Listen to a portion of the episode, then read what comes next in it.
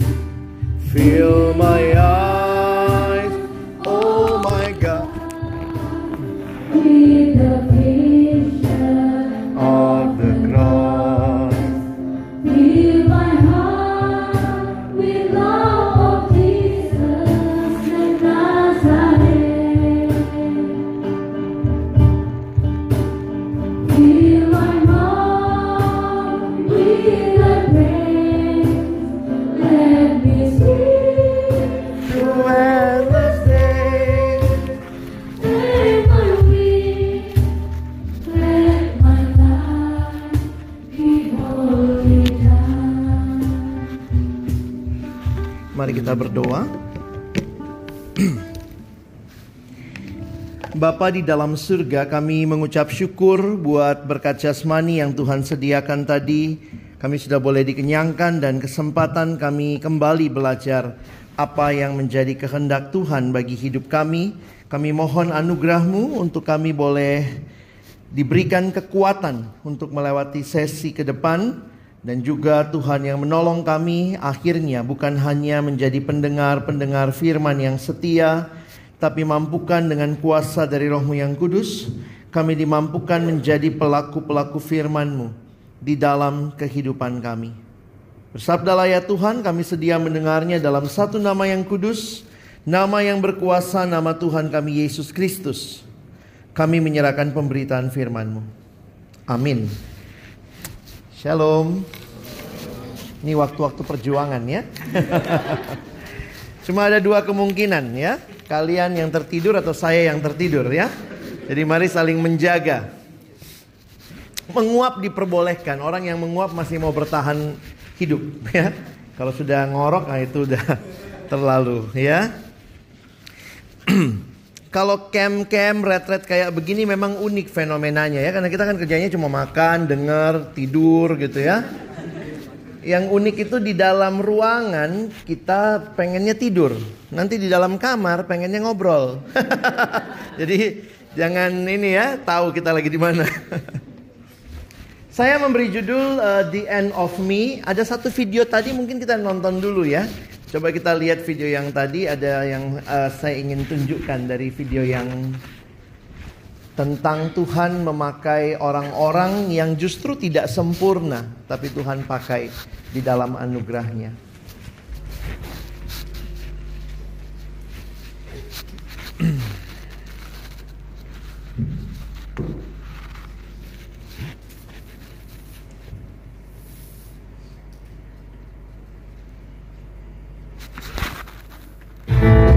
Think he only uses perfectly qualified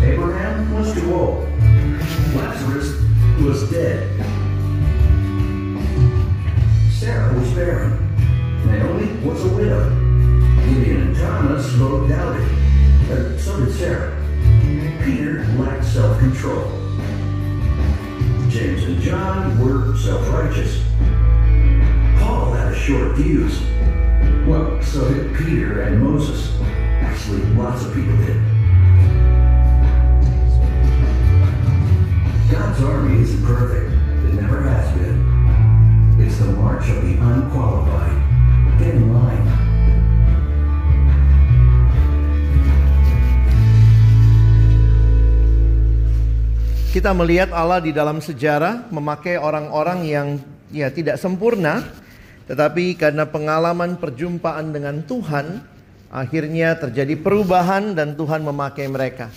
Beberapa orang bahkan masih terus gagal, tetapi Tuhan juga memberikan kesempatan untuk boleh kembali kepadanya dan dipakai lebih luar biasa ya.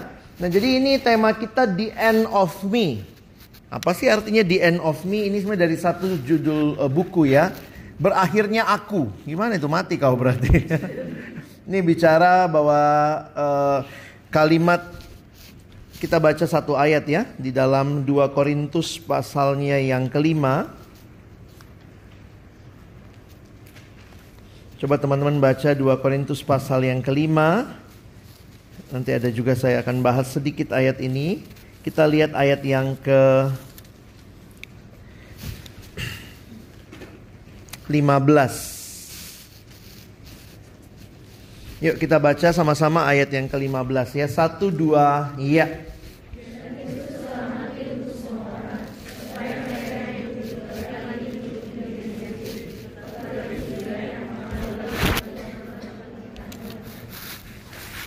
Ada hal yang menarik kalau kalian perhatikan, Kristus telah mati untuk semua orang supaya mereka yang hidup harusnya kita yang mati karena dosa, Kristus gantikan kita, sekarang kita yang hidup. Kalau begitu pertanyaannya kita hidup untuk apa? Kita tidak lagi hidup untuk diri kita sendiri. Ini sebenarnya yang dimaksud dengan the end of me. Tapi titik itu menjadi titik kita hidup untuk Allah dan melayani sesama. The end of me tidak berarti selesainya hidup saya, tetapi selesainya saya hidup hanya untuk diri sendiri. Dan sekarang saya belajar hidup untuk Allah dan untuk sesama. Jadi ini menjadi bagian yang penting bagi kita yang melayani Tuhan. Nah, teman-teman yang dikasihi Tuhan, Yesus waktu datang ke dalam dunia dia panggil orang-orang untuk mengikut dia jadi muridnya. Nah kita akan melihat apa sih yang Tuhan mau dari murid-muridnya. Apa yang dia tantang mereka untuk mereka tinggalkan. Nah karena itu kita akan coba perhatikan bagian ini. Saya menulis di bagian awal. Jesus doesn't simply call us to believe that he existed or even to believe that he can save us. Bukan hanya kita dipanggil untuk percaya bahwa Allah itu ada.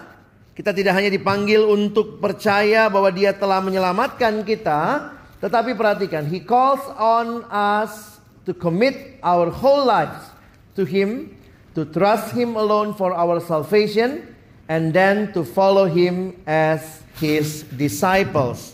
Jadi, apa yang kalian perhatikan ketika Tuhan menyelamatkan kita, maka kita juga dipanggil menjadi murid Kristus. Ini identitas baru yang harusnya teman-teman dan saya hidupi. Apa artinya murid? Sebenarnya sederhana orang yang ikut Yesus. Nah, di dalam Alkitab kita di Perjanjian Baru sebenarnya hanya muncul tiga kali kata Kristen.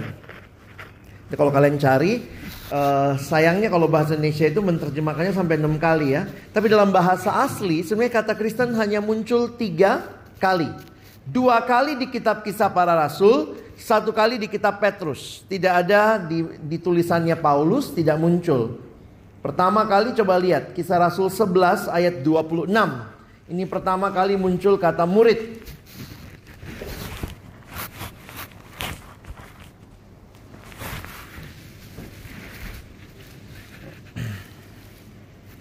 Ya kita baca sama-sama kisah Rasul 11 ayat 26 ya. Satu dua, udah ketemu? Satu dua, iya. Di Antioch.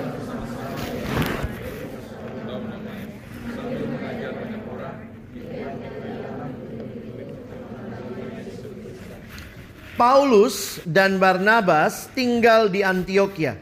Dan di situlah pertama kali mereka disebut Kristen. Apa yang dimaksud dengan Kristen? Awalnya ini sebuah ejekan. Orang-orang yang hidupnya mirip Yesus, ya Kristen. Jadi pertanyaannya begini, sebelum ada kata Kristen, istilah apa yang dipakai untuk menyebut orang yang ikut Yesus? Istilahnya murid. Makanya kalian tidak ketemu kata Kristen di kitab Injil. Nggak ada kata Kristen karena baru di kitab Kisah Rasul muncul kata Kristen itu pun sebagai ejekan. Jadi sebenarnya kalau kalian mengerti Kristen ya murid.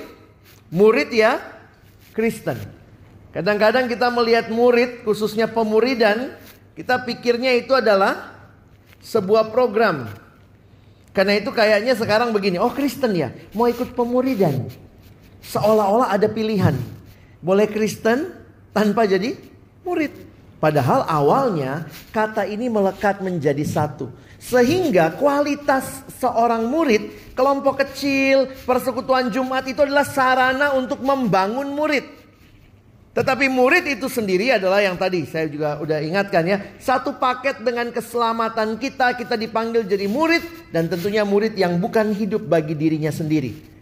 Tapi hidup melayani, the end of me. Teman-teman nanti perhatikan ya, dosa itu fokusnya hidup untuk diri sendiri. Karena itu orang yang masih main-main berkutat dengan dosa tidak siap melayani. Karena always think about themselves. Tapi ketika Tuhan datang menyelamatkan kita, sekarang kita bisa hidup bagi dia, kata Alkitab tadi ya. Dan juga bagi sesama. Jadi hanya orang yang sudah the end of me bisa dan siap melayani. Nah, kira-kira itu tesisnya untuk kita pikirkan sama-sama. Nah, kira-kira murid itu seperti apa ciri hidupnya? Dalam satu gambar yang disebut dengan ilustrasi roda. Ini disebut ilustrasi roda dibuat oleh seorang bernama Dawson Trotman. Dia mencoba menggambarkan orang Kristen yang taat atau orang Kristen yang hidup jadi murid. Sama seperti roda, roda itu yang mutar porosnya, tengahnya. Maka dia katakan di pusat hidup harus ada Kristus. Lalu dia menggambarkan ada dua jari-jari. Satu yang vertikal menggambarkan hubungan dengan Allah. Satu yang horizontal hubungan dengan sesama. Nah dia menggambarkannya relasi dengan Allah. Saya bicara sama Allah namanya doa. Allah bicara kepada saya melalui firman. Makanya saya pikir dari sekolah minggu kita udah tahu lah ya. Bagaimana bertumbuh adik-adik? Baca kitab suci, doa tiap hari kalau mau tumbuh. Saya rindu kalian nanti jadi pengurus pelayan yang benar-benar mengalami relasi dengan Tuhan. Punya hubungan pribadi dengan Tuhan punya hubungan pribadi yang intim dengan Tuhan, yang bergairah dengan Tuhan, yang setiap pagi bangun dan rindu lagi Tuhan, apa yang mau kau sampaikan lewat firman-Mu? Jadi, relasi dengan Tuhan ini bukan legalistik ya, tetapi sebuah kenikmatan, selalu kita cari, selalu kita ingin, selalu kita pengen. Tapi ternyata bukan cuma itu, relasi dengan sesama juga penting. Dengan sesama kita bagi dua. Sesama orang percaya ke dalam kita rajin bersekutu. Keluar dengan orang-orang yang belum percaya bagian kita bersaksi. Jadi sebenarnya hidup Kristen seperti ini yang Tuhan rindukan kita alami. Kalau engkau sudah mati terhadap dirimu, tidak lagi hidup dalam dirimu, keinginanmu, maka engkau boleh hidup sekarang bagi Allah. Maka relasi dengan Allah kita alami dan kita pun bisa jadi berkat buat sesama. Makanya sih hal, harusnya lagunya kalau mau lengkap harus masukin semua ya. Kalian bikin lagu lah ya. Baca kitab suci, doa tiap hari, rajin bersekutu dan giat bersaksi. Biar lengkap ya. Cuma abang nggak tahu lagi lanjutannya nanti bagaimana itu ya. Jadi jangan-jangan kita juga mesti evaluasi hidup kita. Mungkin ada yang bilang evaluasi hidupnya dari mana ya? Dari lagu ini aja. Gimana? Jangan-jangan lagu kita udah ganti. tidak baca kitab suci, tidak doa tiap hari, tidak baca kitab suci, tidak doa tiap hari, tidak baca kitab suci, tidak doa tiap hari, tidak bertumbuh. Mau pakai gerakan? Tidak bertumbuh. Kadang-kadang kita bangga banget nggak bertumbuh ya. Jadi ini jadi satu kerinduan kita. Kalau kalian jadi pengurus, adalah pengurus yang jadi murid. Memang kamu memimpin teman-temanmu. Kamu menjadi orang yang mengurusi mereka. Secara kedudukan seolah-olah kalian ada di atas mereka. Tetapi kiranya jangan jadi calo. Tahu calo? Nyuruh orang, dianya nggak pernah ikut. Jadi kalau abang dulu pelayanan ke Bogor, biasanya atau pulang dari retret di puncak dulu uh, sampai di Bogor biasanya naik kendaraan umum naik bus dari terminal itu ya dari terminal Bogor Baranang Siang ke rumah saya. Saya rumahnya kan di daerah Kelapa Gading. Ya kalau di rumah saya di daerah Kelapa Gading itu biasanya uh, orang turunnya ke Pulau Gadung jadi itu kalau masuk terminal itu kadang-kadang merasa tertuduh ya, baru masuk aja ada yang teriak gitu ya. Karena itu bus saya paling dalam. Jadi dari masuk terminal itu dia nanya, deres, deres. Ah, pasti deres bukan. Maksudnya kali deres ya. Jadi ada tuh yang teriak-teriak, deres pak, deres. Enggak. Ada lagi yang nuduh lebih sakit lagi, rambutan. Apaan sih? Bukan.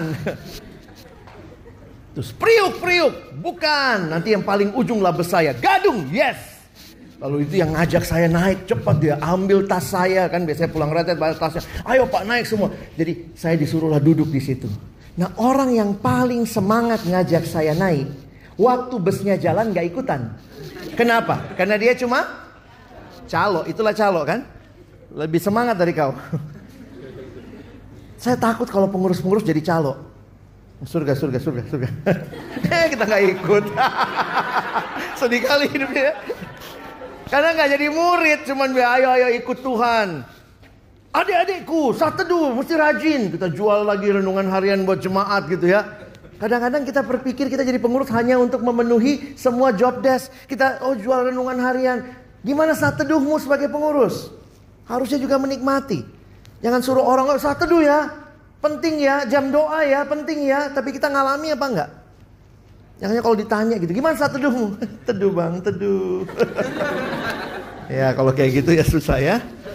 Nah karena itu saya harap kita terus mengingat Tuhan panggil kita jadi murid. Dan kita jadi murid yang tidak lagi hidup buat diri sendiri.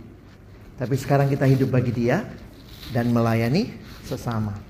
Nah ada bagian yang menarik waktu Tuhan Yesus. Ternyata ya waktu murid-murid ikut dia Tuhan Yesus makin populer, tapi di tengah kepopulerannya, dia pun memberikan tantangan yang luar biasa bagi saya. Nah, kita lihat satu ayat ya. Kita baca sama-sama. Ini Matius 16 ayat 24. Satu dua, ya. Lalu Yesus berkata kepada murid-muridnya, harus menyangkal dirinya,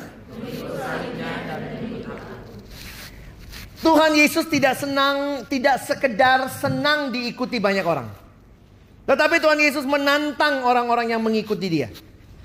Sehingga saya pikir di sinilah bedanya Tuhan Yesus dengan yang lain. Kita mungkin senang lihat orang banyak. Tapi Tuhan Yesus tidak hanya senang lihat banyaknya orang. Dia ingin melihat berapa banyak yang sungguh-sungguh.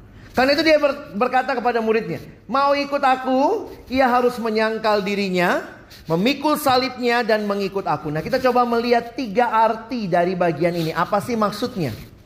Ini semua bicara pemuridan tentunya. Discipleship, the path to knowing and following Jesus. Yang pertama, saya kasih arti sederhananya dan cepat saja ya, karena ini bukan hal yang sulit.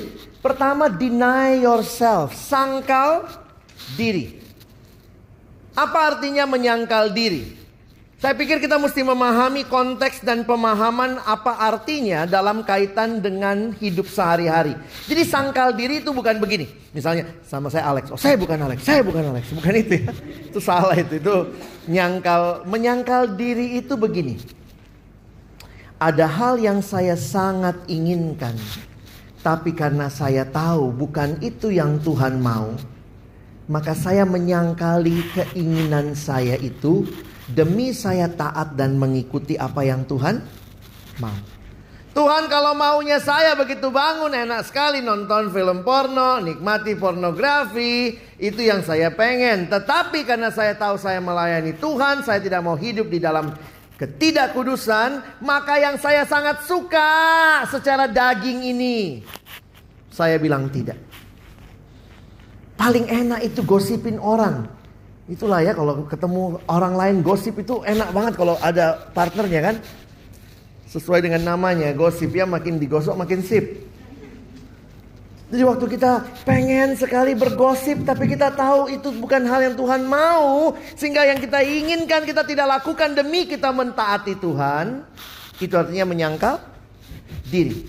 Jadi menyangkal diri bukanlah menyangkali identitas diri. Bukan. Tetapi menyangkali keinginan yang saya sadar. Saya, saya tahu bukan itu yang Tuhan mau. Nah saya pikir di dalam hidup sebagai murid kita senantiasa mengalami karena pemuridan itu seumur hidup. Sama seperti saya jelaskan tadi ya, kita hidup yang menjadi murid, hidup yang melayani Tuhan satu paket itu seumur hidup. Jadi menyangkal diri itu bukan cuma satu kali. Berkali-kali. Saya pun sampai hari ini belajar menyangkal diri. Kenapa? Saya masih hidup dalam daging. Saya masih mungkin jatuh dalam dosa. Ada hal-hal yang saya suka.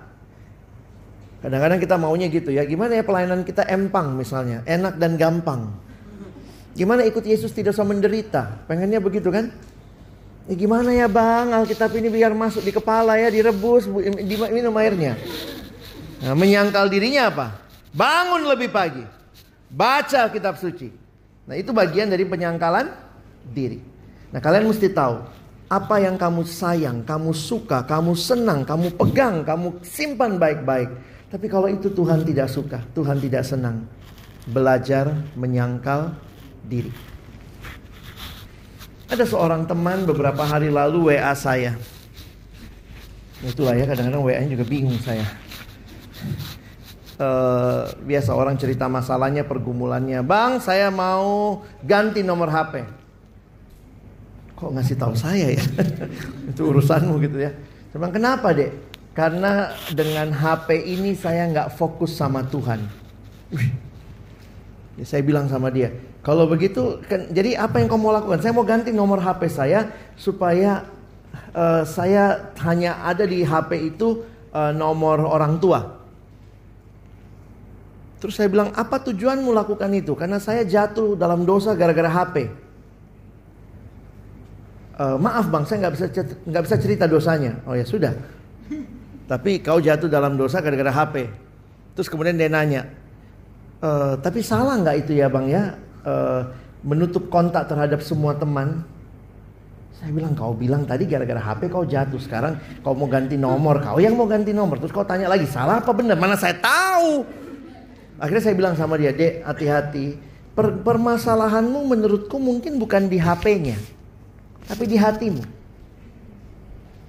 Kalau hatimu condong sama dosa, maka HPmu kau pakai berbuat dosa. Yo, banyak orang jatuh dalam pornografi di mana? Di HP sendiri. HP-nya adalah lockwordnya, passwordnya segala macam. Kenapa? Oh privacy. Padahal gara-gara banyak gambar seksi. Jadi kadang-kadang saya pikir hati-hati kita mungkin bermain-main dengan hal-hal seperti itu yang mungkin masalah utamanya adalah hati kita yang tidak mau mengikuti Tuhan. Kita mau ikut yang kita mau sehingga yang disalahkan HP lah. Apalagi kayak begitu ya sekarang gereja-gereja juga aneh-aneh ajarannya. Aku, ada yang datang gitu, aku baik sih bang, aku ini anaknya sebenarnya cinta Tuhan. Cuma dalam diriku ada roh cabul. Ya saya bilang yang roh cabul itu siapa? Kau apa rohnya? Ya rohnya lah bang. Jadi yang mesti bertobat roh cabul. Mana roh cabul? Suruh sini dia. Jadi itulah manusia dalam dosa pun bukannya menyadari aku yang berdosa, nyalahin lagi. Nah itulah cenderungan manusia kan. Selalu nyalahin yang lain. Jadi penyangkalan diri termasuk di dalamnya kita tahu bahwa bukan itu yang Tuhan mau, saya mengikuti yang Tuhan mau dan mungkin ada hal yang harus saya tinggalkan. Nah, David Platt mengatakan kalimat dalam bahasa Inggris seperti ini.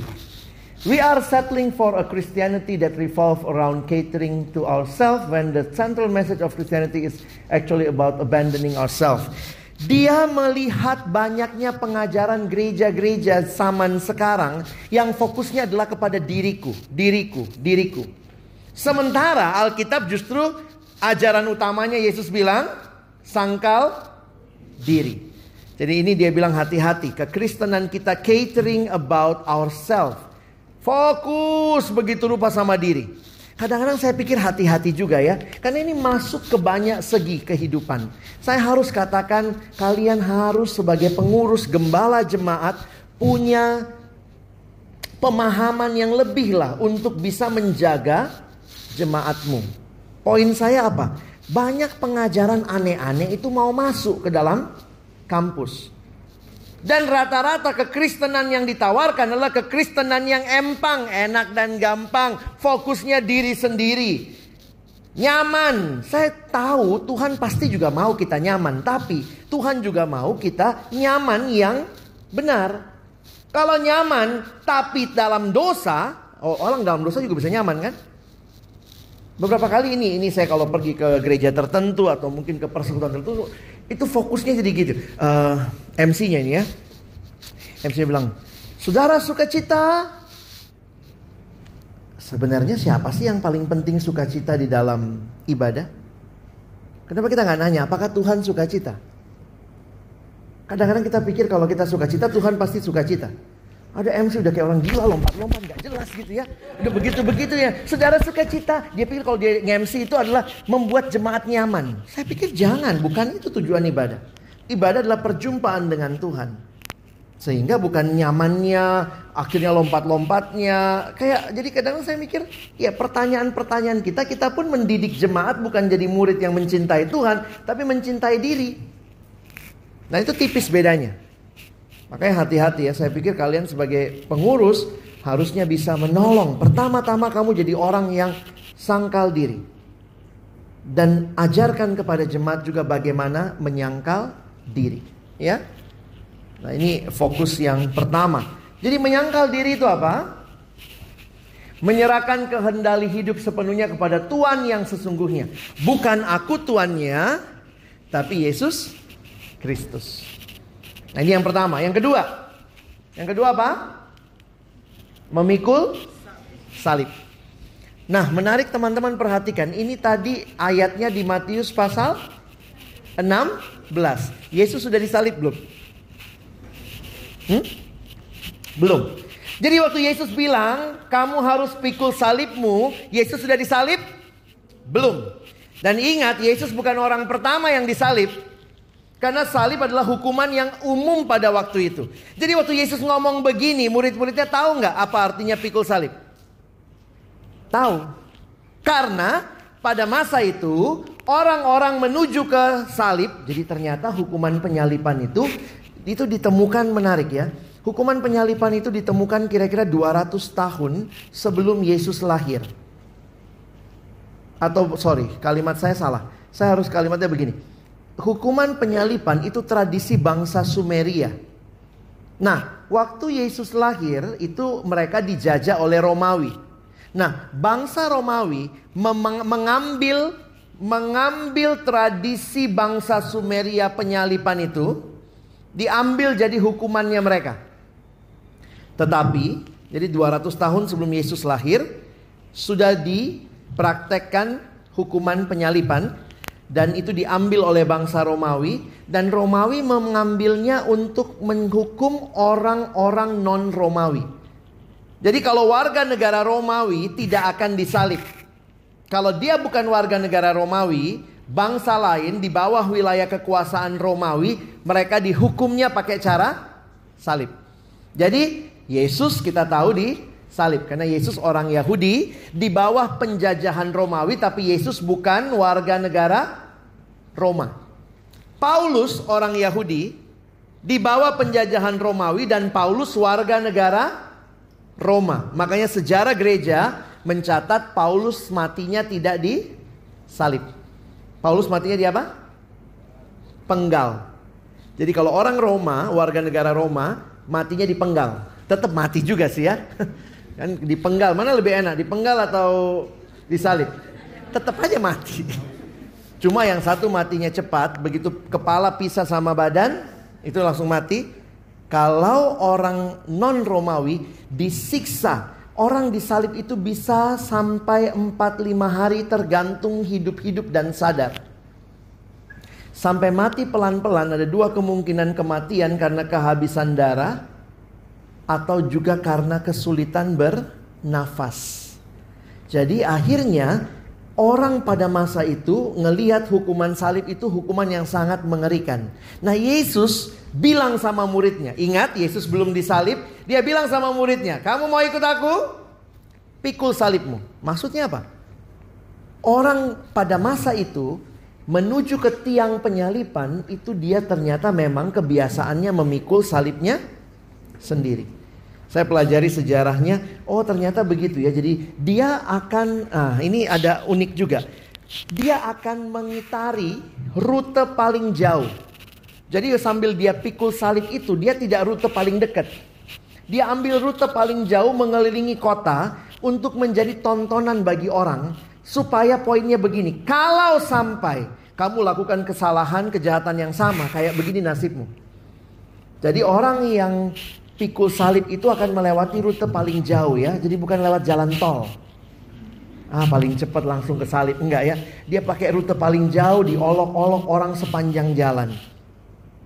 Jadi apa kira-kira waktu Yesus bilang? Kamu mau ikut aku? Kamu harus pikul salib.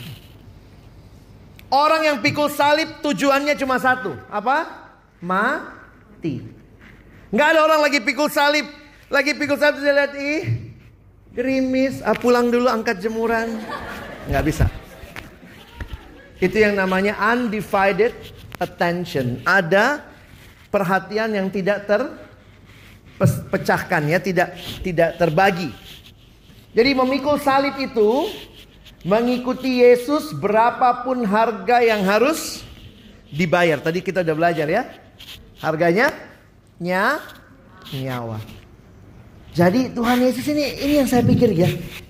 Coba misalnya kalau kamu waktu itu yang dengar. Terus Tuhan Yesus ngomong, "Mau ikut aku?" Sangkal diri ya. Pikul salib ya. Wow. Pikul salib beda sama kadang-kadang kita suka salah pikir gini ya.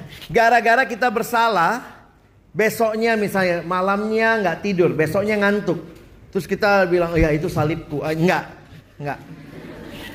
Kau enggak belajar, ujian, dapatnya jelek. Ya ini salibku. Enggak, itu namanya hukuman. Makanya saya bilang ada bedanya antara hukuman sama salib. Salib itu perhatikan, salib itu karena demi ikut Yesus saya menanggung itu, itu namanya salib.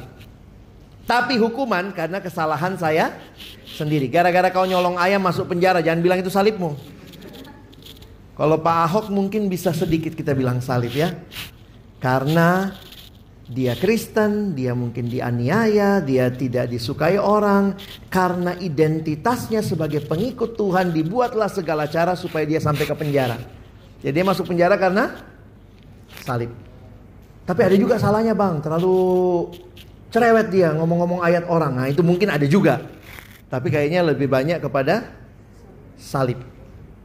Jadi kalau misalnya karena kau percaya Yesus, akhirnya dosenmu mendeo kau, ah itu salib, ya, eh, nggak diuki nggak mungkin lah kayak gitu ya.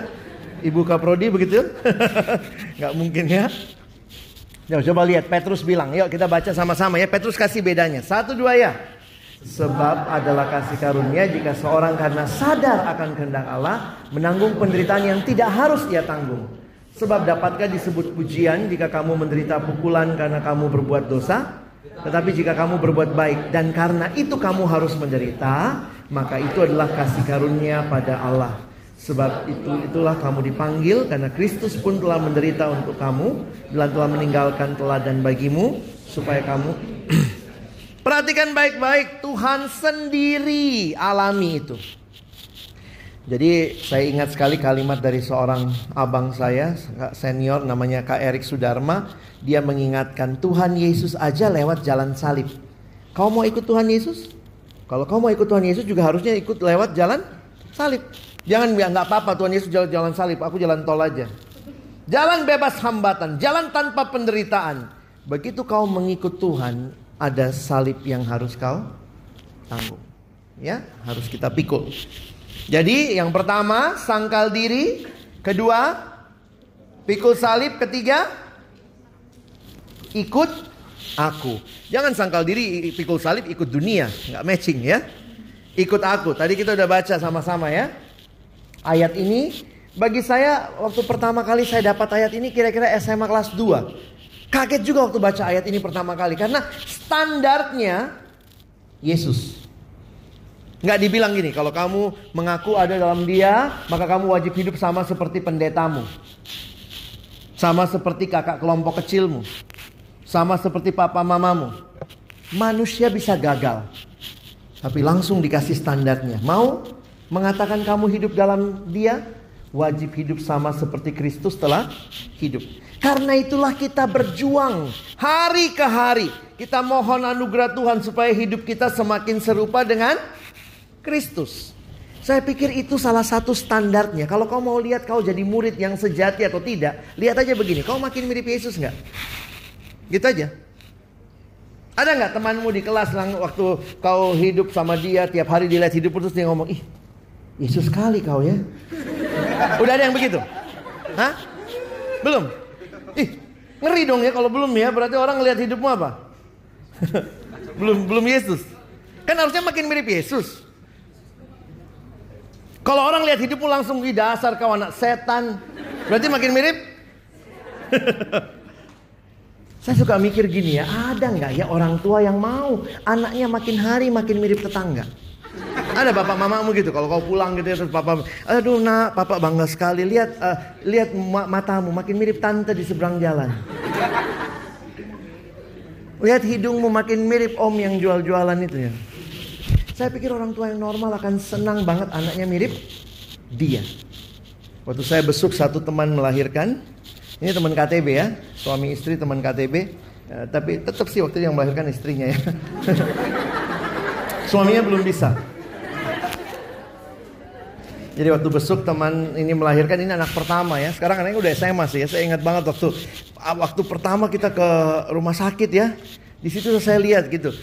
Mamanya bilang pas kami datang habis menyusu jadi anaknya ada ya dipamer lah sama kami. Lex lihat anakku ya. Terus dia bilang gini, Lex lihat anakku ya. Jidatnya kan jidatku ya, hidungnya hidung papanya. Tiba-tiba papanya mama ngomong, Mama, jidatnya jidat papa, hidungnya hidung mama. Lalu mereka berantem di situ, hidung jidat, hidung jidat. Saya mikir ya namanya dalam hati saya pasti ada mirip sana sini namanya produk bersama kan ya. Jadi ada mirip sana mirip sini. Tapi di situ saya jadi sadar orang tua itu bangga sekali kalau anaknya mirip mirip dia. Ini anakku. Pernah nggak jalan sama papa mama mungkin ya? Bapak mama di rumah begitu jalan atau pasti kampung orang melihat kau, ah pasti anakmu ini fotokopinya ini. Orang tua itu bangga sekali anaknya mirip dia. Dan saya pikir waktu Tuhan lihat hidup kita, jangan bilang ikut Tuhan tapi kelakuanmu tidak mencerminkan siapa Tuhanmu. Kadang-kadang jadi pergumulan kita kan. Yang yang yang berprestasi orang Kristen, yang bikin malu juga orang Kristen. Yang nakal di kantin Kristen juga. Nyanyi-nyanyi judi di pojok Kristen juga. Ya Allah, Wakbar. Siapa yang kita ikuti? Kalau kita berkata kita ada dalam dia, biarlah hidup kita mencerminkan. Kira-kira kalau Tuhan lihat hidupmu, Tuhan akan ngomong, ini anakku. Kita kan suka nyanyi, aku anak raja, kamu anak raja, kita semua anak siapa? Mungkin Tuhan juga bingung waktu lihat hidupmu. Hi? Tuhan aku anakmu. Hah? Nggak mirip? Tuhan juga kaget, beda kita. Aku suka yang kudus, kau yang kudis. Aku suka yang benar, kau yang nggak benar. Jadi harusnya kan kita makin mirip Tuhan. Jadi waktu Tuhan panggil jadi murid, murid itu sangkal diri. Bukan aku tuannya, dia tuannya. Bukan apa yang aku mau, tapi apa yang dia mau. Kalau begitu yang aku mau, aku harus sangkali. Yang kedua, ada harga yang dibayar. Mengikut dia, nggak mudah. Dan aku ikut dia. Patronku, modelku adalah Kristus. Bukan manusia. Dan aku akan berjuang sampai akhirnya. Sehingga ini pertanyaan refleksi buat kita ya.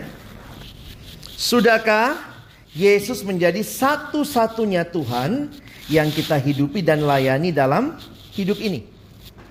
Atau adakah hal yang menghalangi saudara mengikuti Yesus dengan sepenuh hati? Jadi saya mau ajak kita mendalami sedikit bagian ini sebagai bagian akhir. Karena begini, siapa sih Tuhan sejati yang kita layani? Nah ada satu kalimat yang saya kutip mengatakan begini. Kalian bisa lihat ya. Hal-hal yang menghalangi saya untuk ikut Yesus dengan sepenuh hati sebenarnya menunjukkan bahwa mungkin hal-hal tersebut yang telah menjadi tuan yang saya ikuti dan saya layani selama ini. Setuju nggak? Kalau yang menghalangimu ikut Tuhan sungguh-sungguh pornografi, tuanmu pornografi. Kalau yang yang menghalangimu ikut Tuhan sungguh-sungguh adalah studimu, Bukan berarti studi jahat ya. Tapi mungkin studimu itulah tuanmu. Nah, saya mau jelaskan dengan pendekatan yang dipakai oleh Martin Luther.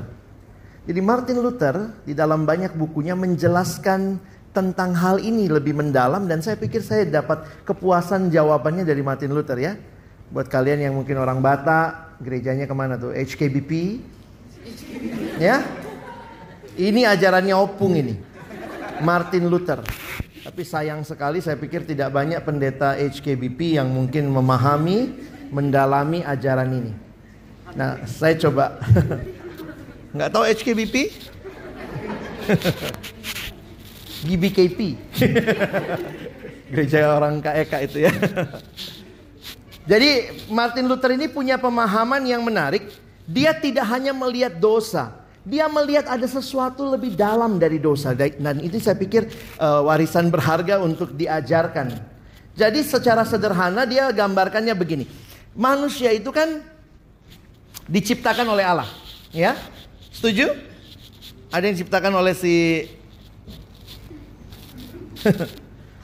Oh nggak mau dibilang anaknya itu ya Bodat nggak mau ya Kalian bukan itulah ya. Jadi kita kan diciptakan oleh Allah. Nah, pertanyaan sederhananya begini. Waktu pertama kali Allah menciptakan manusia, Allah menciptakan manusia untuk siapa? Coba pikir. Waktu Allah pertama kan Allah yang menciptakan manusia. Terus waktu pertama kali ciptakan manusia, Allah ciptakan manusia untuk siapa?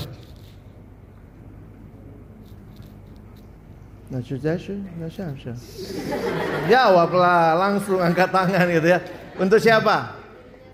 Untuk dirinya sendiri. Teman-teman sadarkah bahwa engkau dan saya dicipta untuk Allah? Allah menciptakan manusia bagi dirinya. Ini ajaran Alkitab yang sebenarnya kalau kita dalami banyak implikasinya. Sederhananya begini. kalau manusia dicipta buat Allah, maka sebenarnya manusia itu paling klop kalau dia selalu tertuju kepada Allah. Karena itu memang tujuan awalnya dicipta. Jadi manusia tidak dicipta untuk setan, tidak dicipta untuk dunia, dia dicipta untuk Allah. Karena itu, poin pentingnya manusia adalah makhluk yang menyembah. Pilihan kita, jadi manusia ini karena dicipta untuk Allah, maka manusia ini adalah makhluk yang dari awal diciptanya eh, bentuk ciptaannya adalah pasti menyembah. Makanya Martin Luther bilang begini, manusia itu pilihannya bukan menyembah atau tidak menyembah. Itu bukan pilihannya. Karena manusia adalah makhluk yang menyembah. Kita sebut dalam bahasa Latin manusia adalah homo adoramus.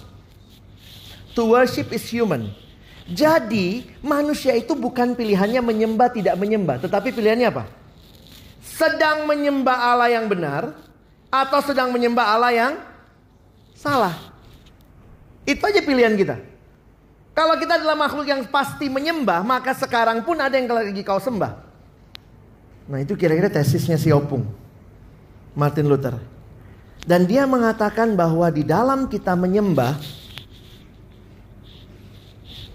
Kalau kita ingat, kepuasan sejati itu sebenarnya manusia hanya miliki dari penciptanya.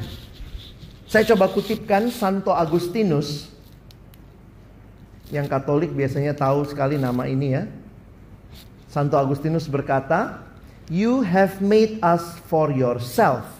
Engkau menciptakan kami bagi dirimu, O Lord, and our hearts are restless until they rest in you." Dan karena itu, hati kami ini selalu gelisah, restless sampai ketemu istirahat sejatinya di dalam Tuhan. Jadi kalau teman-teman perhatikan, ini menunjukkan kepada kita betapa manusia makhluk yang menyembah harusnya mengikuti apa desain awalnya Tuhan ciptakan kita. Nah perhatikan, ini orang pintar ya. Anak FKIP tahulah. Tapi dia bukan cuma orang pintar, dia salah satu ilmuwan paling hebat. Tetapi di dalam perjalanannya dia ketemu Tuhan dan dia menuliskan banyak eh, ada beberapa catatan buku tentang pengalamannya dengan Tuhan. Nah, Blaise Pascal bilang begini, hati manusia biar kecil, namun jika seisi dunia diisi ke dalamnya tetap tidak akan memuaskannya. Hanya Sang Pencipta yang bisa memuaskannya. Kenapa? Karena dari awal kita itu dicipta untuk memiliki HPDA, hubungan pribadi dengan Allah. Tuhan tidak cuma ciptakan kita, tapi dia ciptakan kita buat dirinya. Berarti Tuhan dari awal mau kita berelasi dengan dia. Kita akan selalu menyembah, itu prinsip dasarnya. Karena itu Martin Luther bilang begini, perhatikan perintah dari 10 perintah. Perhatikan perintah pertama. Apa itu? Jangan ada padamu Allah lain. Kenapa Martin Luther bilang, kenapa perintah pertamanya itu? Perintah pertamanya karena Tuhan sudah tahu manusia memang makhluk yang ma menyembah. Jadi jangan sampai ada Allah lain. Makanya Martin Luther bilang begini, kau tidak mungkin melanggar satu perintah Allah tanpa melanggar dua. Mungkin nggak kita melanggar satu perintah aja? Martin Luther bilang nggak mungkin cuma satu. Kalau kau melanggar perintah Allah, pasti bukan cuma satu. Kau melanggar satu plus satu lagi. Satu lagi yang mana? Perintah nomor satu. Saya jelaskan. Contoh, jangan mencuri. Kalau kau mencuri, sebenarnya Allahmu apa? Bisa uang, bisa harta. Makanya benar opung ya. Martin Luther. Nggak mungkin cuma melanggar perintah jangan mencuri. Pasti kau langgar yang pertamanya juga. Ada yang kau jadikan Allah lain di dalam hidupmu. Makanya ini warisan besar yang saya pikir harus diajarkan di dalam gereja. Martin Luther tidak melihat hanya dosa. Dia melihat lebih dalam dari dosa. Mencuri oke. Okay. Tapi sebenarnya di dalam tindakan mencuri. Orang itu sedang punya Allah lain. Di dalam hatinya. Kalau orang sampai berzina, Allahnya apa? Hawa nafsunya, seks. Jadi itu bisa jadi Allah. Kalau orang sampai mengambil milik orang lain, Allahnya mungkin adalah hati yang iri hati, mau sesuatu yang bukan punya dia, dia mengambil sehingga benar juga saya pikir ya. Waktu saya renungkan, Martin Luther ketemu tuh Bukan cuma dosanya yang dibereskan, tapi hatinya yang sedang tidak menyembah Allah harus dibereskan. Karena itu Martin Luther bilang apa? Jangan cuma dosanya dibereskan di permukaan. Tapi harus dibereskan hati yang sedang tidak menyembah Allah. Gimana caranya bereskan hati yang sedang tidak menyembah Allah? Hati yang sedang tidak menyembah Allah berarti sedang menyembah yang bukan Allah. Apa yang bukan Allah yang disembah? Oh ini bisa macam-macam. Nah, nanti kita coba lihat lagi ya. Nanti saya kasih clue-nya. Coba kita lihat dulu ini. Beberapa akibat. Kita baca ini kalimat dari Nicky Gamble. Saya kutipkan buat kita ya. Satu, dua, ya. Pria dan wanita diciptakan untuk hidup dalam hubungan dengan Allah.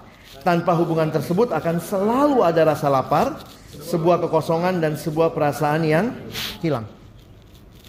Jadi karena Tuhan Tuhan itu kekal ya. Nah sekarang coba bayangkan, kenapa kita selalu punya longing untuk hal yang kekal? Loh, emang begitu bang? Seorang bernama C.S. Lewis, dia bilang begini, sorry ini agak berat ya walaupun siang-siang, buka matamu, pasang telingamu.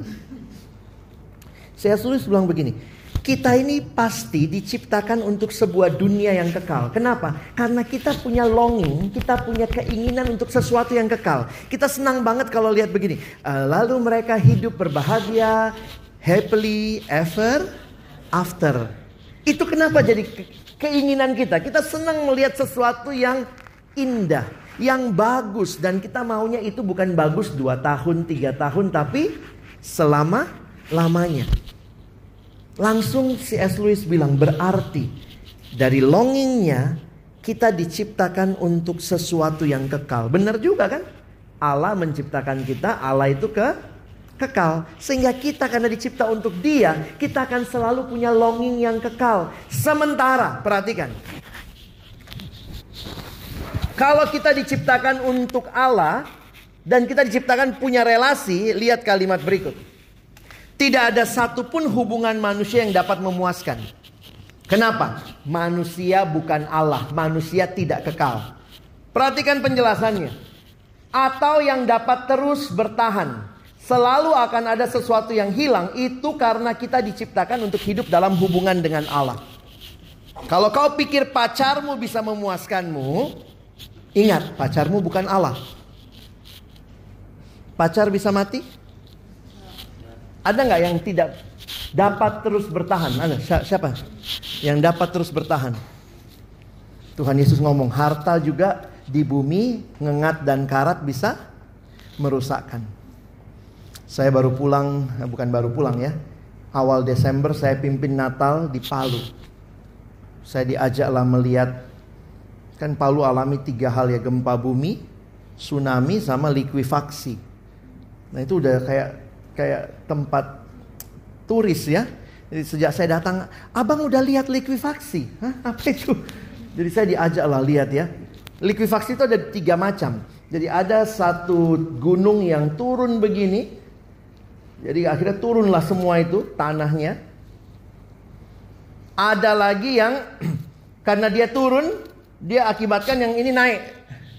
Jadi ada yang turun ke bawah, ada yang naik tinggi, ada lagi satu, ada satu daerah itu kayak tanahnya terbelah lalu masuklah satu desa ke dalam, terus ketutup lagi. Nah itu ngeri banget gitu ya. Dan waktu saya lihat kayak begitu iya ya, harta itu nggak kekal. Tidak ada hal yang dapat terus bertahan. Jadi kalau manusia dalam hidup hanya punya relasi sama hal-hal yang sementara, sementara, sementara, sementara, Sementara itu manusia itu diciptakan untuk sesuatu yang kekal, maka manusia sebenarnya tidak akan pernah puas. Kecuali dia puas kalau dia ada di dalam Allah yang kekal. Sekali kita memiliki hubungan dengan Allah, maka tujuan dan arti kehidupan akan semakin jelas. Nah kita lihat sebentar ya, apa saja yang bisa manusia andalkan. Sebenarnya yang paling mengerikan sejak awal adalah dosa, ya. Jadi di dalam dosa, bayangkan manusia yang dicipta untuk pencipta, lalu manusia yang dicipta ini mau jadi pencip, pencipta. Itulah gambaran dosa. Manusia mau jadi Allah. Nah gambarannya begini. Di dalam dosa kita semua sering kali menempuh cara-cara yang tidak sehat untuk mengisi kekosongan hati yang sebenarnya hanya bisa dipuaskan oleh Allah. Kalau ada yang sedang kita sembah di hati kita yang bukan Allah, namanya apa? Berha berhala. Nah, itulah tesisnya Martin Luther. Di dalam kita bicara dosa, jangan cuma lihat dosanya, cari berhalanya apa. Dosanya bisa muncul sebagai mencuri. Berhalanya hatinya terikat sama har harta. Lalu Opung bilang begini, kalau begitu hati itu sedang terpikat sama sesuatu yang semen sementara. Makanya orang nggak pernah puas. Tapi teman-teman jangan lupa ya, sering kali kita pikir yang namanya berhala itu yang ngeri-ngeri. Apalagi kayak kita lihat berhala yang mungkin masih dari kampung ya, yang dari sana adalah jimat begitu ya. Tapi berhala itu pada dasarnya adalah segala sesuatu yang kita sembah selain Allah. Nah, berhala itu ternyata bisa dari hal yang baik. Coba lihat ya. Siapa pun atau apa pun yang menggantikan posisi Allah sebagai yang terutama dalam hidup kita, itu disebut berhala. Nah, berhala itu berarti mengubah sesuatu yang baik jadi utama. Hal yang baik bisa jadi berhala? Bisa. Uang baik nggak? Hmm? Baik ya. Lain kalau kita bicara pornografi langsung kita katakan itu dosa, itu nggak baik. Tapi kalau uang baik, baik dong. Ada satu anak remaja gini, Bang Alex bener ya kata Alkitab, akar segala kejahatan adalah uang. Heh, nggak benar, nggak begitu ayatnya. Akar segala kejahatan adalah ada kata cinta uang, bukan uangnya, cinta kepada uang, memberhalakan uang. Saya bilang kalau kau nggak suka uangnya kasih saya deh. Masih banyak pelayanan butuh dibiayai. Jadi jangan salah baca ya. Apa yang baik Begitu diangkat jadi terutama, itu jadi berhala. Karena itu, Martin Luther mengingatkan, biarlah hal yang baik tetap jadi hal yang baik. Jangan jadikan yang terutama. Karena begitu jadi terutama, itu langsung jadi ber, berhala. Apa saja hal yang baik? Oh banyak. Ada yang tanya begini, jadi saingan terberatnya Tuhan itu apa? Saingan terberatnya Tuhan salah satunya berkatnya sendiri. Siapa yang ciptakan uang? Tuhan. Siapa yang ciptakan pacar? Tuhan. Siapa yang ciptakan orang tua? Itu hal baik kan? Orang tua bisa jadi berhala nggak? Bisa ya. Pacar bisa jadi berhala? Bisa. Pacar, orang tua, uang itu semua adalah kategorinya cip, ciptaan. Jadi ternyata yang bisa jadi berhala hal-hal baik yang dicipta Tuhan. Ketika orang cinta sama ber berkatnya, tapi nggak cinta sama pemberi berkatnya. Apa yang orang lakukan dengan berhala? Kalian perhatikan ya. Apa yang kita lakukan dengan penyembahan? Sebenarnya semua penyembahan karena kita makhluk yang menyembah. Lihat kalimat-kalimat ini sikap kita terhadap berhala atau kepada Allah juga sama kan karena kita makhluk yang menyembah. Kita akan mengasihinya, menyembahnya, melayaninya, bahkan memperoleh makna daripadanya. Karena ini berhala dibanding daripada Allah yang sejati.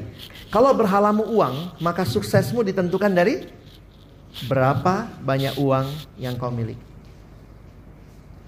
Kalau Allahmu cuma Allah, suksesmu apa? saya tetap dalam Tuhan atau saya sudah di luar Tuhan. Kalau karena kau ikut Tuhan kau harus miskin, menderita, kau tetap sukses. Kenapa? Karena suksesmu tidak kau ukur dari makna hidupmu bukan dari dari berhalamu. Ini gampang sekali kok. Martin Luther sudah kasih kita clue. Makanya coba kenali berhala hati kita. Hal-hal ini yang mungkin kita bilang kita ikut Tuhan, tapi sebenarnya kita sedang ikut berhala. Ada yang berhalanya seks.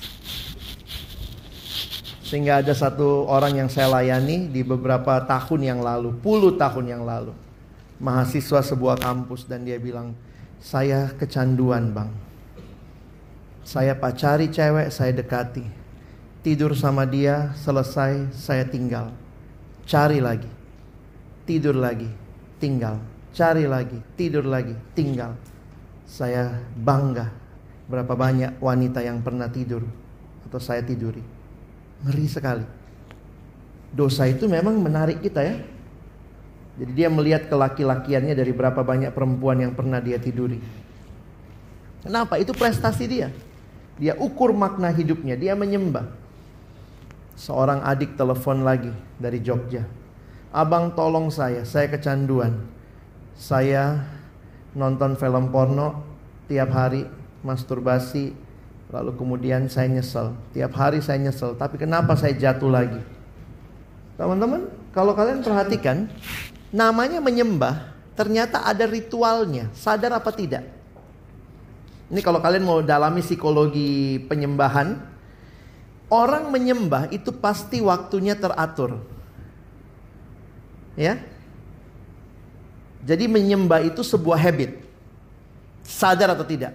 Makanya saya waktu itu coba sama adik ini, saya tanya karena dia konseling sama saya. Saya bilang, "Boleh saya tanya?" "Boleh, Bang." Jam berapa biasanya kau jatuh? Kenapa? Karena teorinya bilang apa? Itu sebuah ritual, habit. Kau ke gereja tiap minggu jam berapa? Ya tergantung misalnya yang jam 10 pagi misalnya. Jadi selalu kau jam 10, selalu kau jam 10. Ternyata kepada penyembahan yang lain itu sama ritualnya. Coba kalian bisa gali ya. Saya bilang sama dia, kau jatuh dalam dosa biasanya jam berapa? Ih abang kok nanya jam? Dia bilang, iya bang, saya jatuhnya sekitar jam 2, jam 3. Kenapa jatuh? Jadi saya akhirnya tanya ritualnya. Karena secara tidak sadar kita ini makhluk yang menyembah. Menyembah itu butuh ritual. Dan ritual itu adalah sebuah habit. Habit itu dalam dosa sering kali menjadi bagian yang terus menerus. Dia bilang, abang iya ya, saya selesai kuliah kira-kira jam 12, jam 1. Maka sesudah itu saya akan download pakai wifi kampus yang kencangnya luar biasa.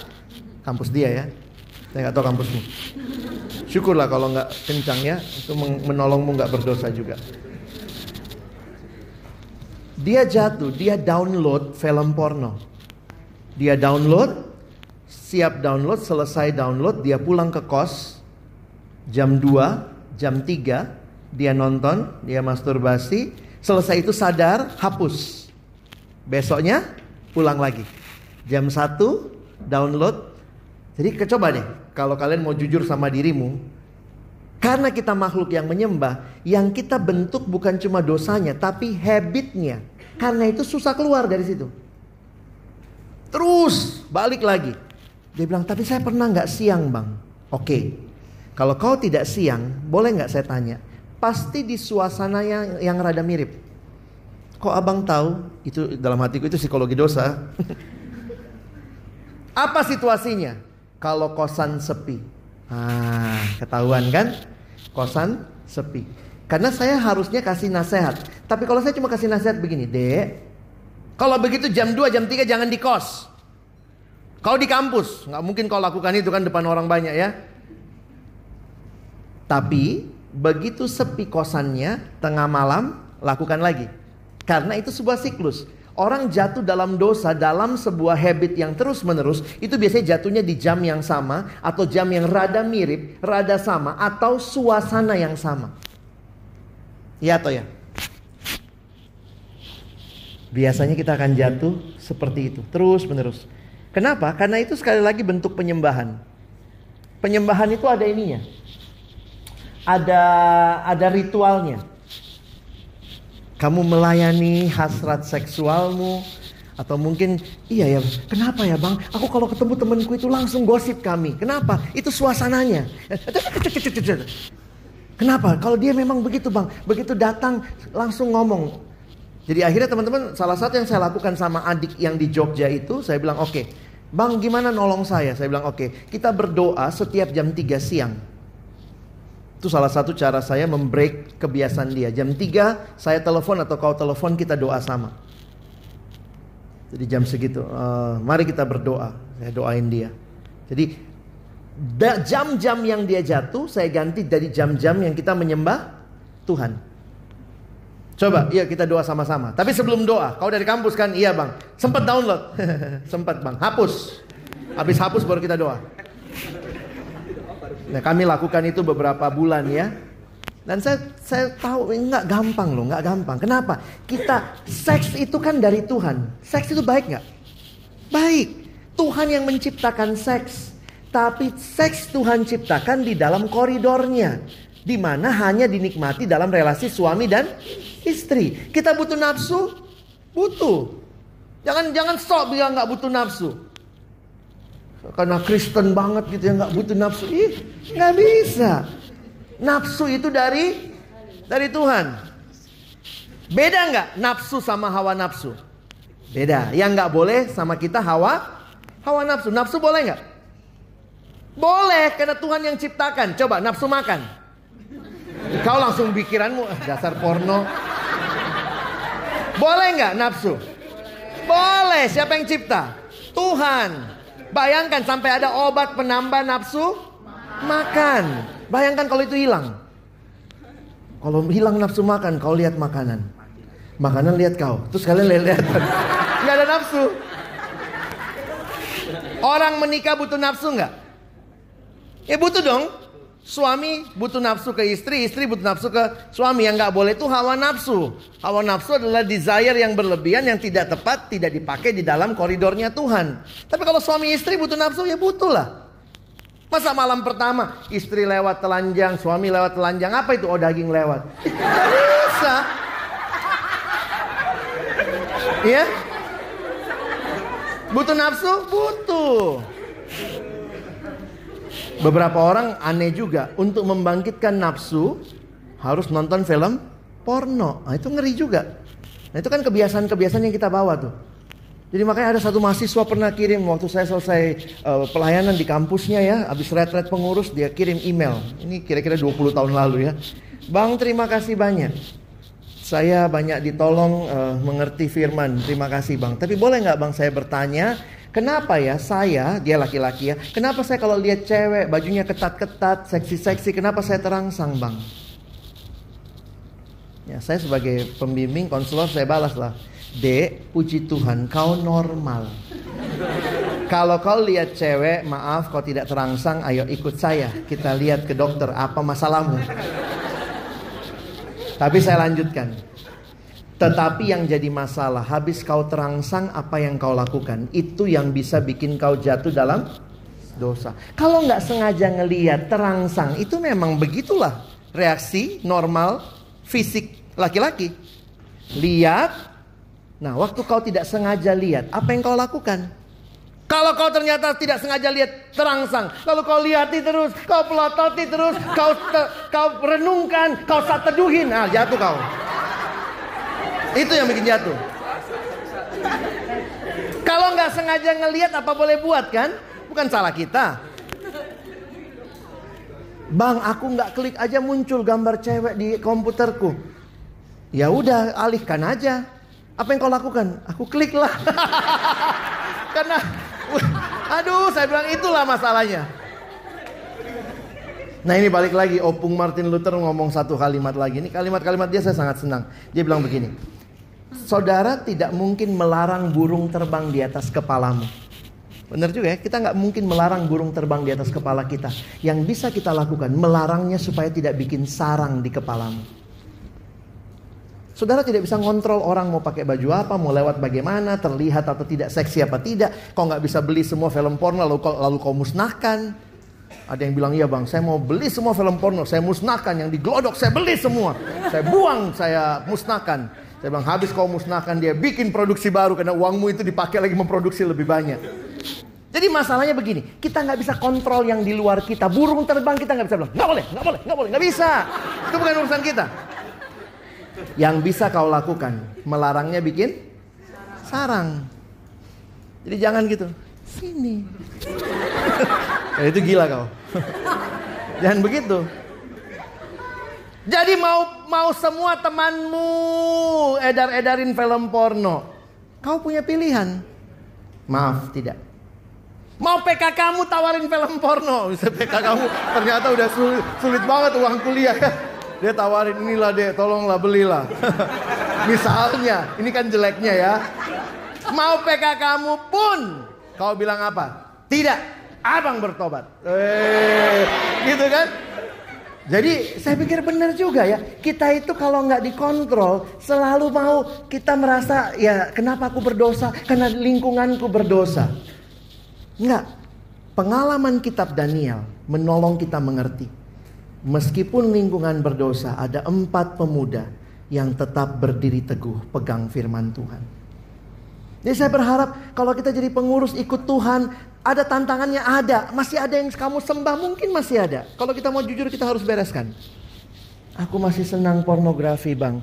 Aku kayaknya masih susah ampuni. Aku masih susah seperti ini. Ada kesempatan kalian boleh share hal-hal seperti itu ya. Tapi mari jujur dengan diri kita. Jangan-jangan kita kita bilang kita menyembah Tuhan, kita ikut Tuhan, tapi ternyata banyak Tuhan lain yang sedang kita cintai di hati kita.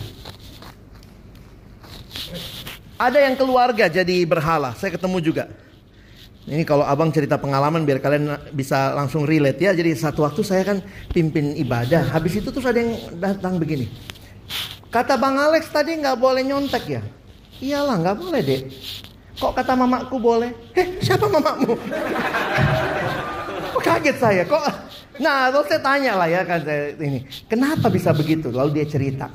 Kata mama bang, semester ini bapak pensiun. Jadi nggak mau tahu harus lulus semester ini. Kalau nggak nggak ada lagi biaya kami.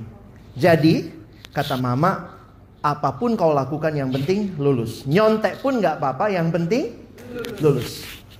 Saya bilang oke, okay, kau sudah memberhalakan orang tua kalau begitu. Kan dia mau membandingkan, kata abang nggak boleh, kata mamaku boleh. Mama itu kan wakil orang tua, eh wakil Tuhan.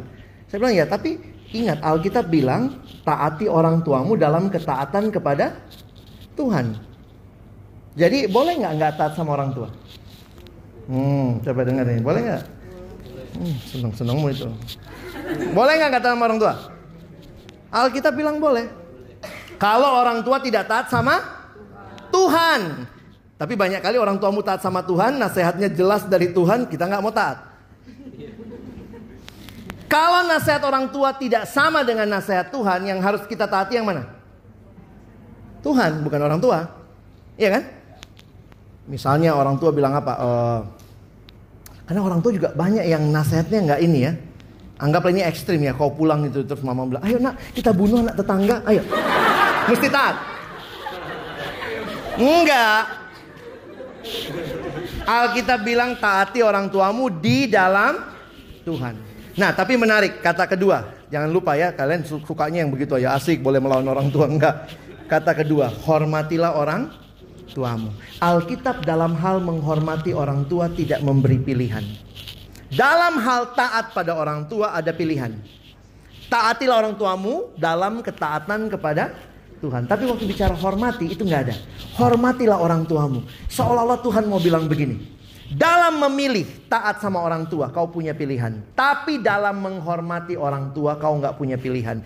Mau bapakmu baik, bertanggung jawab, tukang pukul istri, jadi teladan, nggak jadi teladan, tidak ada pilihan. Hormati.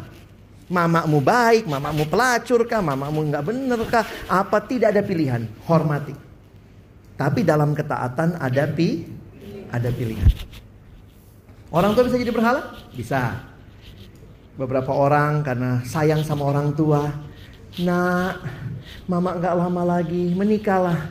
Aduh mak sama siapa-siapa aja lah nak. Banyak orang yang karena udah kegusur umur, ketakutan nggak menikah, ikuti saran orang tua. Kenapa? Katanya membahagiakan orang tua. Saya pikir tidak. Menikah bukan bahagiakan orang tua. Menikah adalah mempermuliakan Allah. Kalau mamamu kasih calon yang tidak kenal Tuhan, tapi itu satu ini itu pariban kandungmu itu. Tapi dia nggak kenal Tuhan gitu ya. Mau gimana? Oh iyalah nggak apa-apa saya taat sama orang tua. Banyak orang bukan menghormati orang tua tapi memberhalakan orang tua. Pacar bisa jadi berhala? Iya, pacar kan baik ya. Tapi bisa jadi utah utama. Saya pernah lihat status Facebook, pacar yang baik titik dua Mengikuti segala perintahnya, menjauhi segala larangannya. Saya pikir itu pacar apa Tuhan? iya ya. Tapi itulah orang bisa begitu cinta sama pacarnya. Makanya waktu pacarnya bilang nggak usahlah kita ke gereja hari Minggu. Iya ya, uh, ya sudahlah. Jadi kita ikut. Banyak orang bukan mencintai pacar tapi memberhalakan pacar. Begitu putus cinta rasanya semua hidupnya aku nggak ada artinya lagi. Dari situ kau peroleh makna. Kalau putus pacar bilang memang saya sedih banget tapi arti hidup saya dari Tuhan. Saya sedih, saya lihat kau pun masih sedih.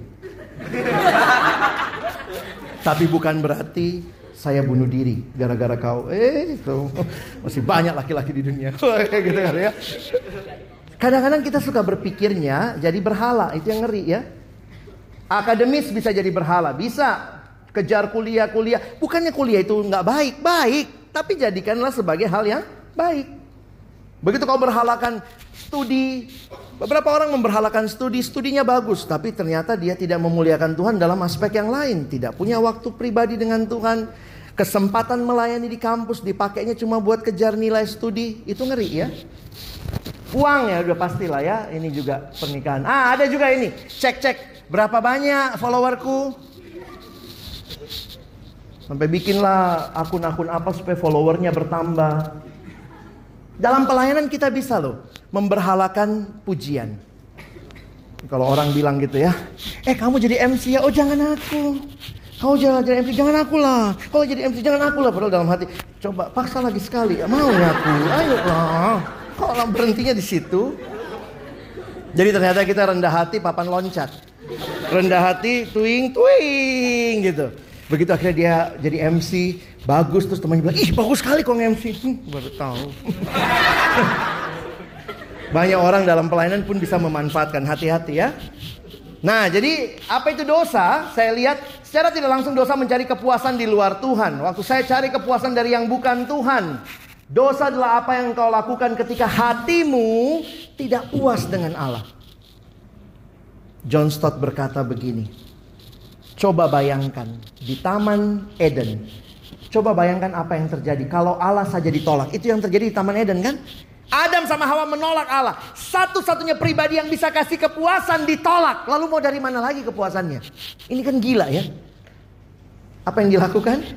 Ketika manusia menolak Allah, menggantikan Allah dengan ciptaan, bagaikan menukar emas dengan pasir. Lihat apa yang berhala lakukan dalam hidup kita. Kita baca pengkhotbah 5 ayat 9. Siap, satu dua ya.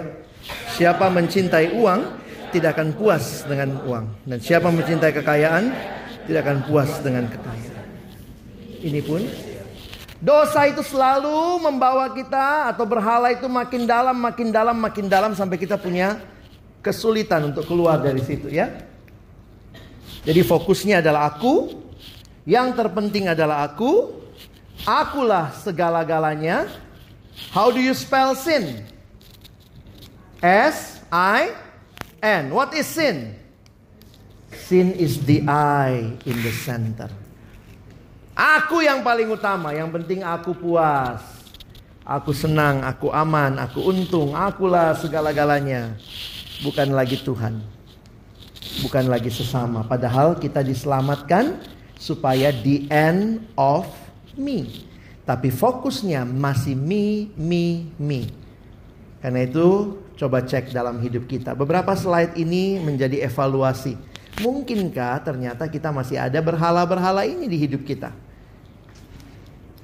Coba lihat ya, dosa itu karena sifatnya membelenggu. Di Alkitab dosa itu dipersonifikasi, digambarkan seperti tuan yang sedang memperbudak kita. Coba lihat addiction monitor kita. Adakah yang kecanduan banget? Ada yang kecanduan ini? Ya, pengurus sih jangan ya. Nah, kalau nanti begitu lihat di apa di kantin, oh yang pengurus yang judi di pojok. Aku nggak judi bang, aku bandarnya. Ah lebih lagi gitu ya. Aku yang pinjem pinjemin uang. Ada yang mungkin masih dibelenggu oleh rokok. Saya pikir kita mesti jujur untuk mengatakan Tuhan tolong saya keluar dari hal itu. Ada yang bertanya, kenapa ngerokok? Ya biar jantan. Ih ayam kau ya. Jadi berarti sebenarnya apa apa berhalanya dia? Iden, identitas. Mau dapat pengakuan.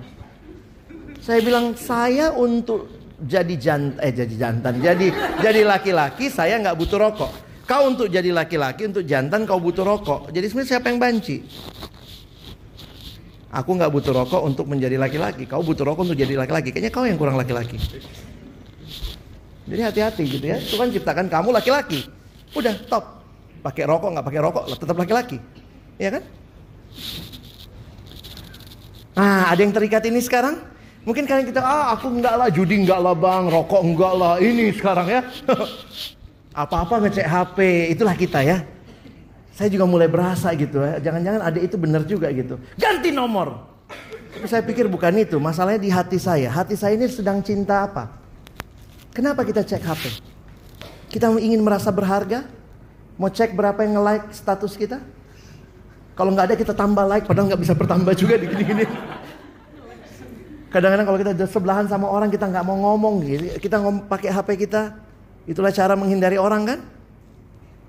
Nggak ada SMS, kita kirim SMS buat diri kita. Eh masuk, gila. Bisa begitu, ya? Kayak gini-gini lah ya. Ini pemandangan umum sekarang. Kadang-kadang di keluarga juga begitu ya. Kadang saya pikir kita udah jarang lah ketemu yang seperti ini ya. Seorang teman dalam parenting dia bilang begini, kenapa anak sangat tertarik sama HP? Karena mungkin orang tuanya sudah tidak menarik. Waktu saya bawakan seminar parenting, saya nggak punya anak, belum punya anak ya sama istri, tapi sering kali dia undang seminar parenting. Saya kasih gambar ini, coba lihat. Inikah kondisi keluarga kita atau ini? Kalau anak sudah tidak mau lagi ngobrol sama orang tua, mungkin orang tuanya sudah nggak menarik, lebih menarik HP. Nah ini juga masalah kebiasaan kan? Ini nggak nggak gampang nih. Apa yang sedang mengikat kita? Ada lagi yang diikat sama ini? Ah, nggak bisa. Saya jarang ke mall bang. Ya tapi di aplikasimu beli-beli, buka lapak, semua ada gitu ya. Beli-beli.com, apalah, Shopee. Sampai jam berapa itu ada begini? apanya itu? Dia tunggu gitu ya, mau ya mau dapat mobil atau apa ya. Saya pernah sama temen gitu ya, kita lagi KTB itu. Sebentar bang, kenapa? Lucu ya, manusia diperbudak sama teknologi. Saya bukannya nggak percaya gitu-gituan ya, maksudnya bisa juga orang dapat hadiah ya. Tapi jangan-jangan nanti dalam keseriusan kita sebentar bang, pop, pop, pop, gitu ya. Ada yang pernah ya kayaknya. yang nggak tahu nanti kau pelajari ya deh. nanti kau ikut lagi gitu ya. Ah ini. Ayo drakor drakor. Hmm, kenapa orang uh, what is in drama what is in a drama Korea? Jadi udah capek gitu ya. I'm so tired but I can stop watching. Opa, oma gitu ya. Sarang, sarang. Sarang semut, sarang tawon. Nah. Saya nggak tahu, saya kumpul-kumpul gambar aja. Istri saya juga suka nonton gitu ya. Kadang-kadang gitu ngeliat gitu ya, tiba-tiba ketawa, tiba-tiba nangis. Saya udah tahu istri jadi gila kali ini. Kenapa ya? Memang begitulah ya. Kapan kau terakhir baca Alkitab tertawa? Kapan terakhir baca Alkitab terus nangis? Aduh indah sekali firman. Tapi kalau film Korea bisa tuh ya. Berjam-jam ditonton. Baca Alkitab 5 menit. Apa yang salah dengan kerohanian kita? Nggak ada yang salah dengan nonton. Kecuali kalau nonton sudah jadi. Udah jadi identitasmu. Banggamu juga gitu. Eh sudah nonton ini nggak? Udah nonton ini nggak gitu ya? Udah nonton ini nggak gitu ya? Apalah gitu. Jadi kita merasa saya sudah naik identitasnya karena harga diri saya tergantung berapa banyak jilid film Korea yang saya tonton. Hati-hati loh. Saya nggak tahu ini apa ya. Yang cowok juga nggak nggak nggak bebas kau.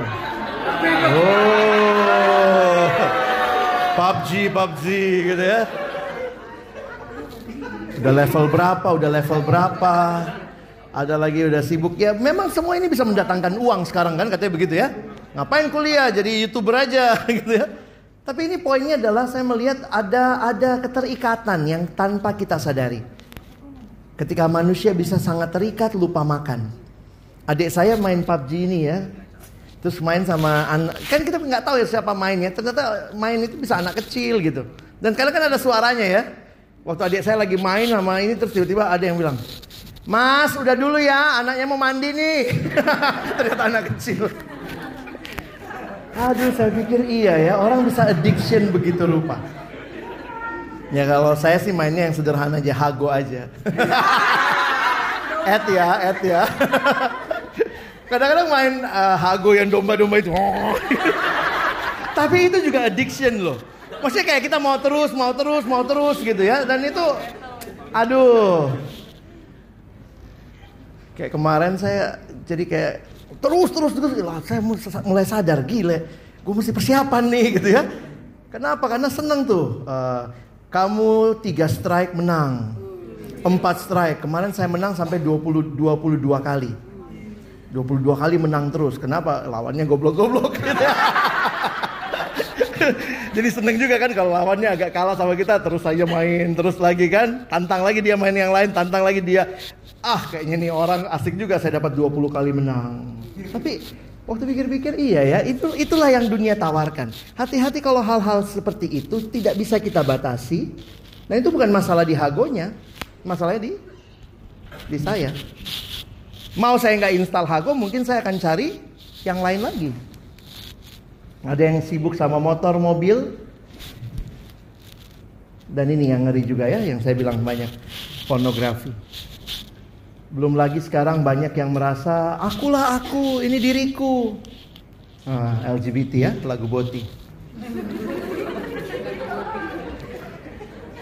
Beberapa orang berkata, jadi saya kan ikuti juga ya, kan saya layani anak remaja. Beberapa yang bilang begini, iya bang, kan kita tuh tertekan selama ini. Jadi yang dunia lagi tawarkan follow your heart. Coba lihat ya, orang-orang seperti ini biasanya akan ikuti apa kata dunia, mereka came out gitu ya, mereka confess begitu. Kenapa? Ikuti hatimu. Saya pikir di dalam Alkitab bukan ikuti hatimu, ikuti Tuhan. Kalau hatiku mau, aku mau sekali LGBT, tapi bukan itu yang Tuhan mau. Saya belajar menyangkal diri, bukan ngikutin. Tapi sekarang udah terbalik semua. Tapi gimana bang orang yang kayak kalau menyangkal diri berarti kita menyangkali. Saya bilang sebenarnya terlalu banyak hal yang kita sangkali. Kalau kita bicara jujur-jujur saya maunya having sex mungkin. Tapi bilang tidak. Kenapa? Bukan itu rencana Tuhan. Saya pengennya menikmati LGBT tapi tidak. Bukan itu. Saya belajar menyangkal diri. Kalau mau jangan kuliah. Saya maunya tiap hari nonton Korea. Tapi bukan itu maunya Tuhan. Ya, kalau kita nggak belajar, kita bisa ikut zaman yang sedang mengatakan follow your heart.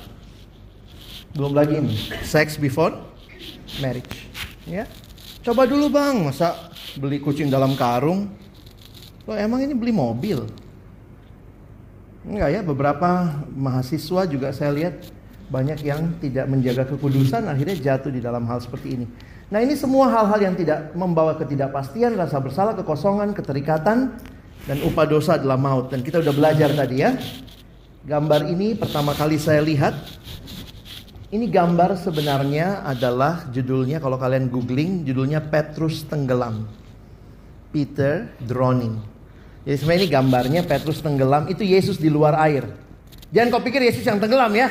Salah lihat kau. Bukan. Yesus lagi ngulurin tangan, Petrus sudah tenggelam ya. Banyak orang yang lihat itu, eh, maksudnya apa bang? Eh, waktu saya juga awalnya saya pikir, kenapa tenggelam Yesus ya?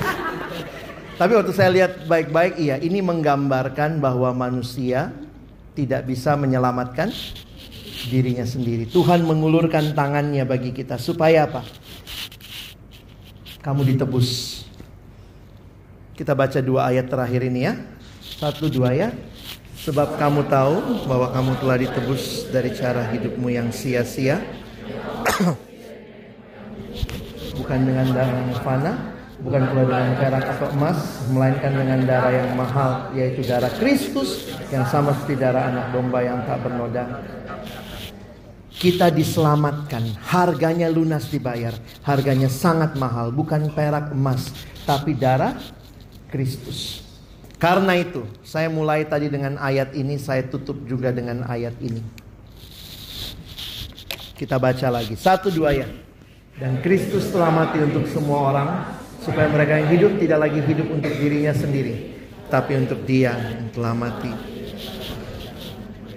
Perhatikan kalimatnya. Kristus mati supaya apa? Kalimatnya dengan jelas mengatakan kita tidak lagi hidup untuk diri sendiri. Itulah dosa. Mati-matian untuk diri sendiri. Fokusnya apa? Aku, aku, aku. Dalam dosa kita cuma titiriri. Mati-matian untuk diri sendiri. Tetapi bagaimana Tuhan bikin Alex the end of Alex, the end of you. Tuhan mati supaya saya yang tadinya hidup buat diri saya. Sekarang saya yang harusnya mati saya hidup. Kalau begitu sekarang saya hidup untuk siapa? Saya hidup untuk dia yang telah mati dan dibangkitkan bagiku. The end of me bukan cuma saya berhenti hidup dalam dosa, tapi saya mulai hidup bagi Allah. Apa artinya hidup bagi Allah? Kamu hidup melayani Dia dan melayani se sesama. Hanya orang-orang yang terus-menerus menyembah Allah, bukan Allah-Allah yang lain. Merekalah yang akan siap melayani Tuhan. Bereskan dosa-dosamu, pergumulanmu. Kadang-kadang kalau jatuh, bangkit lagi. Minta Tuhan kuatkan. Ada komunitas, ada abang kakak yang mendoakan supaya apa? Hidupmu berguna bagi kerajaan Allah. The end of me and start living for Jesus and others. Amin. Mari kita berdoa. Terima kasih ya Tuhan buat kebenaran firman-Mu yang kau nyatakan bagi kami, mengevaluasi juga hidup kami. Sejauh mana kami yang mengatakan mau melayani Tuhan ini sudah benar-benar menjadikan Engkau satu-satunya yang utama dalam hidup kami. Hamba berdoa bagi adik-adikku setelah mendengar dua sesi ini, biarlah Tuhan terus menolong mereka untuk melihat kepada Allah. Terus menolong mereka untuk boleh menyerahkan seluruh hidupnya kepada Tuhan. Hidup yang tidak lagi bagi diri sendiri, tapi hidup bagi Allah, bagi kerajaan Allah, melayani Tuhan dan melayani sesama. Terima kasih. Kami terus berdoa hidupkan firman-Mu di dalam keseharian kami. Dalam nama Yesus kami berdoa, kami bersyukur. Amin.